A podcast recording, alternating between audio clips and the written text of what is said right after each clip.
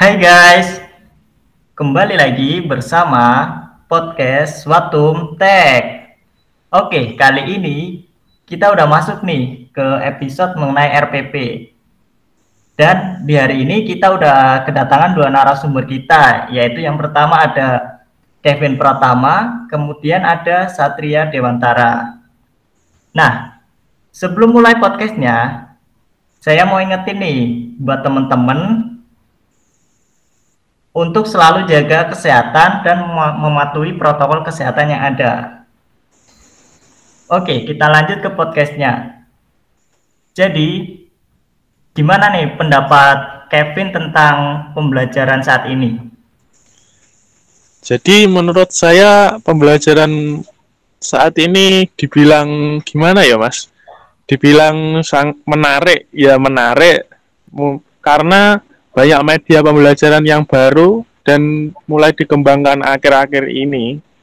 Tapi di sisi lain siswa itu banyak yang mengantuk, yang tidak mengikuti pelajaran, telat mengumpulkan tugas. Ya pokoknya problematikanya seperti itu sih mas. Kalau menurut sampean bagaimana? Oke. Kalau menurut Satria ya kalau menurut saya untuk pembelajaran kali ini udah masuk ke pembelajaran online di mana kita itu udah masuk ke transisi dari offline ke online di mana pada mahasiswa mungkin pada awalnya mengalami kesulitan ya untuk adaptasi dari offline menuju online. Kemudian ada media-media pembelajaran baru di di browser-browser. Kemudian dosen juga mulai mengembangkan pembelajaran yang mungkin bisa sangat menyenangkan di era pandemi saat ini. Itu sih kalau menurut saya. Oh iya ya. Oke. Untuk kemudian menurut Kevin mungkin masalah apa sih yang sering di, sering dialami ketika menjalani kuliah online saat ini? Yang biasanya itu ya tentang sinyal sih Mas yang sering dimasalahkan itu sinyal. Kalau nggak gitu kuota terus itu jam pembelajarannya yang cenderung fleksibel. Tapi mahasiswa itu sering menyepelekan gitu loh mas jadi kadang lupa kadang nggak join Google Meet atau gimana ya problematikanya kurang lebih seperti itu kalau saya kalau menurut sampean itu bagaimana mas Oke, ini diskusi aja ya. Kita ya saya juga mengalami sama seperti itu. Kendalanya mungkin susah ya untuk membagi waktu antara kegiatan sehari-hari dengan kuliah online saat ini karena kadang juga kuliah online jamnya berubah-ubah, gak sesuai dengan jam yang sebelumnya. Kemudian untuk masalah kuota juga alhamdulillah sudah diberi bantuan oleh pemerintah ya cuman begitu sih kadang sebelum, sebelum uh, waktunya waktunya habis ya kuotanya udah habis dulu buat youtubean atau apalah gitu. Mungkin itu sih. Sinyal oh. juga bisa itu sih jadi kendala. Kadang kan ada oh iya kurang satu mas. Itu Apa? kalau saya anu biasanya ketiduran mas. Waktu jam pagi kuliah pagi mulai jam 7 gitu kan biasanya. Nah itu sering saya ketiduran susah ya kayak kita kan biasanya kan udah terbiasa kalau kuliah offline kan udah ada semangat berangkat bareng kadang sama pagi gitu kan ya Iya, kadang seperti itu sih. Oke, lanjut ke pertanyaan yang pertama nih buat Mas Kevin.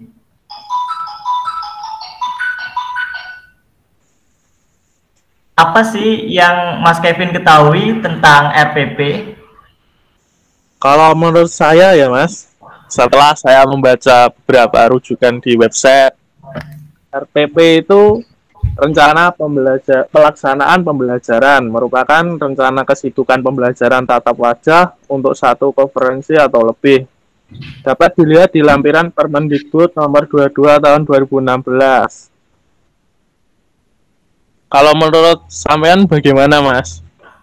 Kalau menurut saya yang diketahui tentang RPP yaitu seperti pedoman ya untuk guru melakukan sebuah pembelajaran dalam waktu satu semester yaitu di, di mana guru ini melakukan kayak apa ya kayak persiapan untuk pembelajaran nanti itu dibutuhkannya seperti apa terus apa yang menjadi inti dari materi yang akan diberikan itu maksudnya gimana?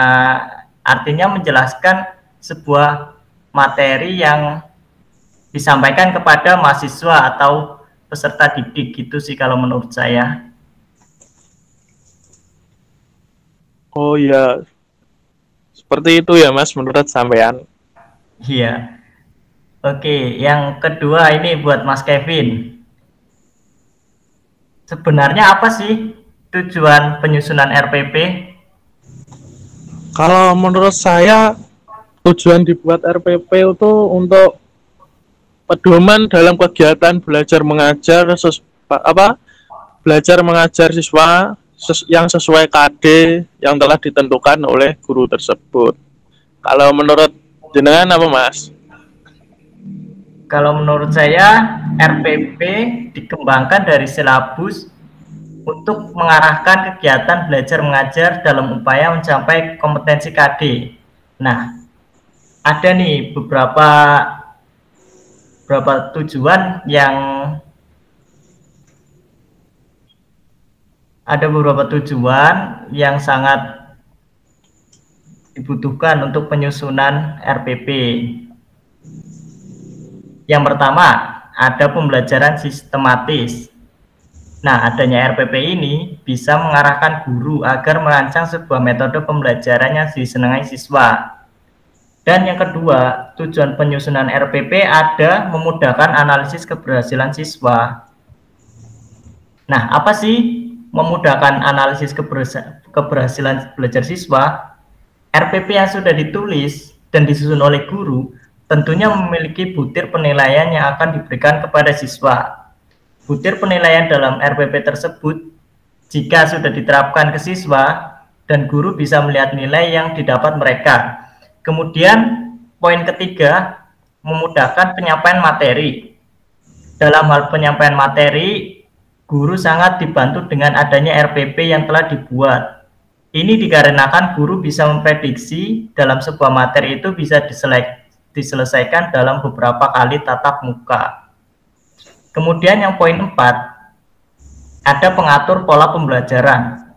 Nah, pada pola pembelajaran ini, beberapa materi yang di diajarkan tidak semuanya bisa selesai dalam satu kali tatap muka. Ada kalanya guru memerlukan beberapa kali tatap muka untuk menuntaskan satu bahasan materi. Kemudian nih ada poin yang kelima, menghemat waktu dan tenaga. Alasan yang kelima ini pastinya bisa menghemat waktu dan tenaga guru. Guru tidak perlu bingung memikirkan model, metode, dan sumber belajar yang sekiranya nanti akan digunakan oleh siswa. Pastinya, dengan adanya RPP yang sudah dibuat, guru bisa menentukan apa yang dibutuhkan dalam penyampaian materi ajarnya.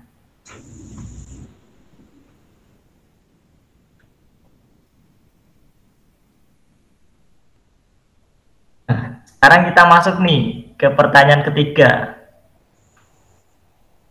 Apa apakah satu RPP cuma sanggup digunakan untuk satu pertemuan? Gimana pendapatnya, Kevin? Kalau menurut saya RPP itu bisa di, tidak digunakan dalam satu pertemuan saja, bisa digunakan dua pertemuan, tiga pertemuan ataupun lebih, tergantung KD yang di, pilih untuk mengajar siswa tersebut. Kalau sampean bagaimana, Mas? Kalau menurut saya RPP bisa digunakan untuk beberapa pertemuan sih. Contohnya ya seperti pada pembelajaran kurikulum 2013 ini ada yang namanya modul ajar. Nah, modul ajar itu digunakan oleh guru pada sekolah penggerak yang ada pada suatu daerah. Nah, ini nih Kevin dalam modul ajar ini misalnya satu satu semester itu dibutuhkan delapan pokok materi pembelajaran. Nah, itu modul ajar yang dibuat itu bisa digunakan untuk beberapa kali pertemuan. Begitu sih menurut saya. Oh, begitu ya, Mas. Iya. Kalau untuk dokumen yang menjadi dasar pengembangan RPP itu apa aja ya, Mas? Nah, untuk RPP yang dikembangkan dari silabus, untuk dasar pengembangannya itu RPP dikembangkan dari silabus dan disusun menurut KD atau subtema. Nah, silabus itu apa sih? Silabus itu merupakan seperangkat rencana serta pengaturan pelaksanaan pembelajaran dan penilaian yang disusun secara sistematis yang membuat komponen-komponen saling berkaitan untuk mencapai penguasaan penguasaan kompetensi dasar.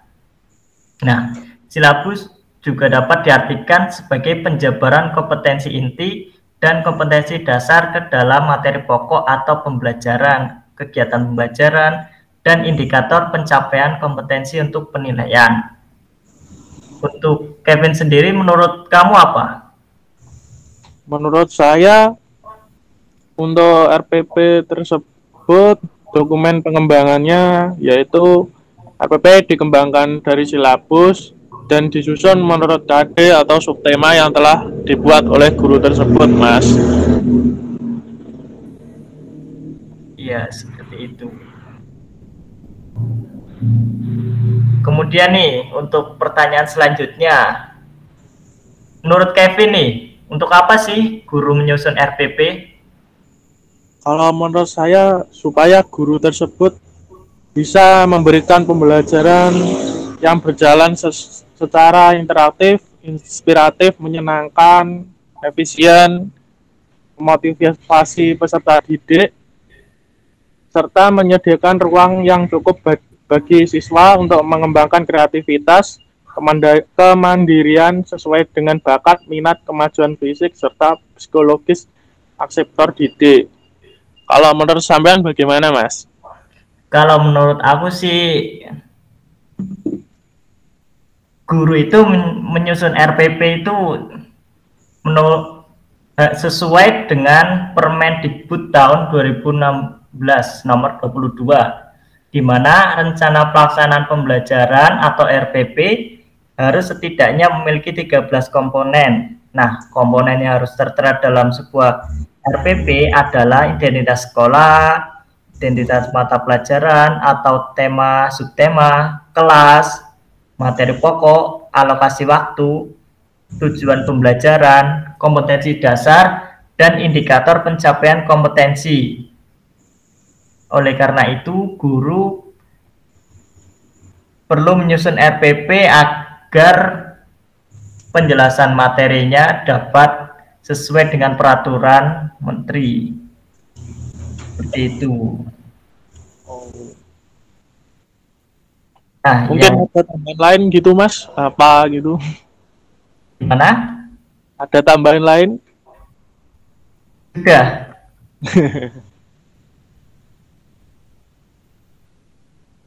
Oke, kita masuk ke pertanyaan terakhir nih.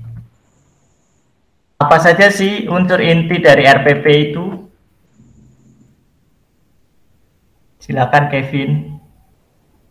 Menurut saya unsur inti dari RPP itu yang pertama tujuan pembelajaran, yang kedua langkah-langkah kegiatan pembelajaran, yang ketiga penilaian pembelajaran atau evaluasi jadi siswa itu dievaluasi supaya bisa mengerti bagaimana siswa tersebut mengikuti pelajaran dengan baik atau tidak.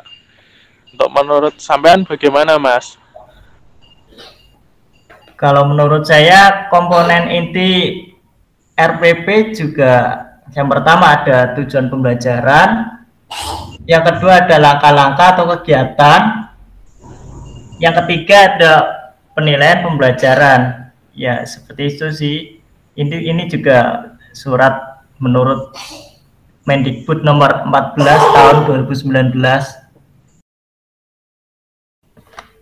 Oke, terima kasih Mas Kevin Pratama dan Satria Dewantara untuk informasi RPP yang telah dijelaskan tadi. Sekian untuk episode kali ini. Kita kembali ke podcast Watum Teks selanjutnya.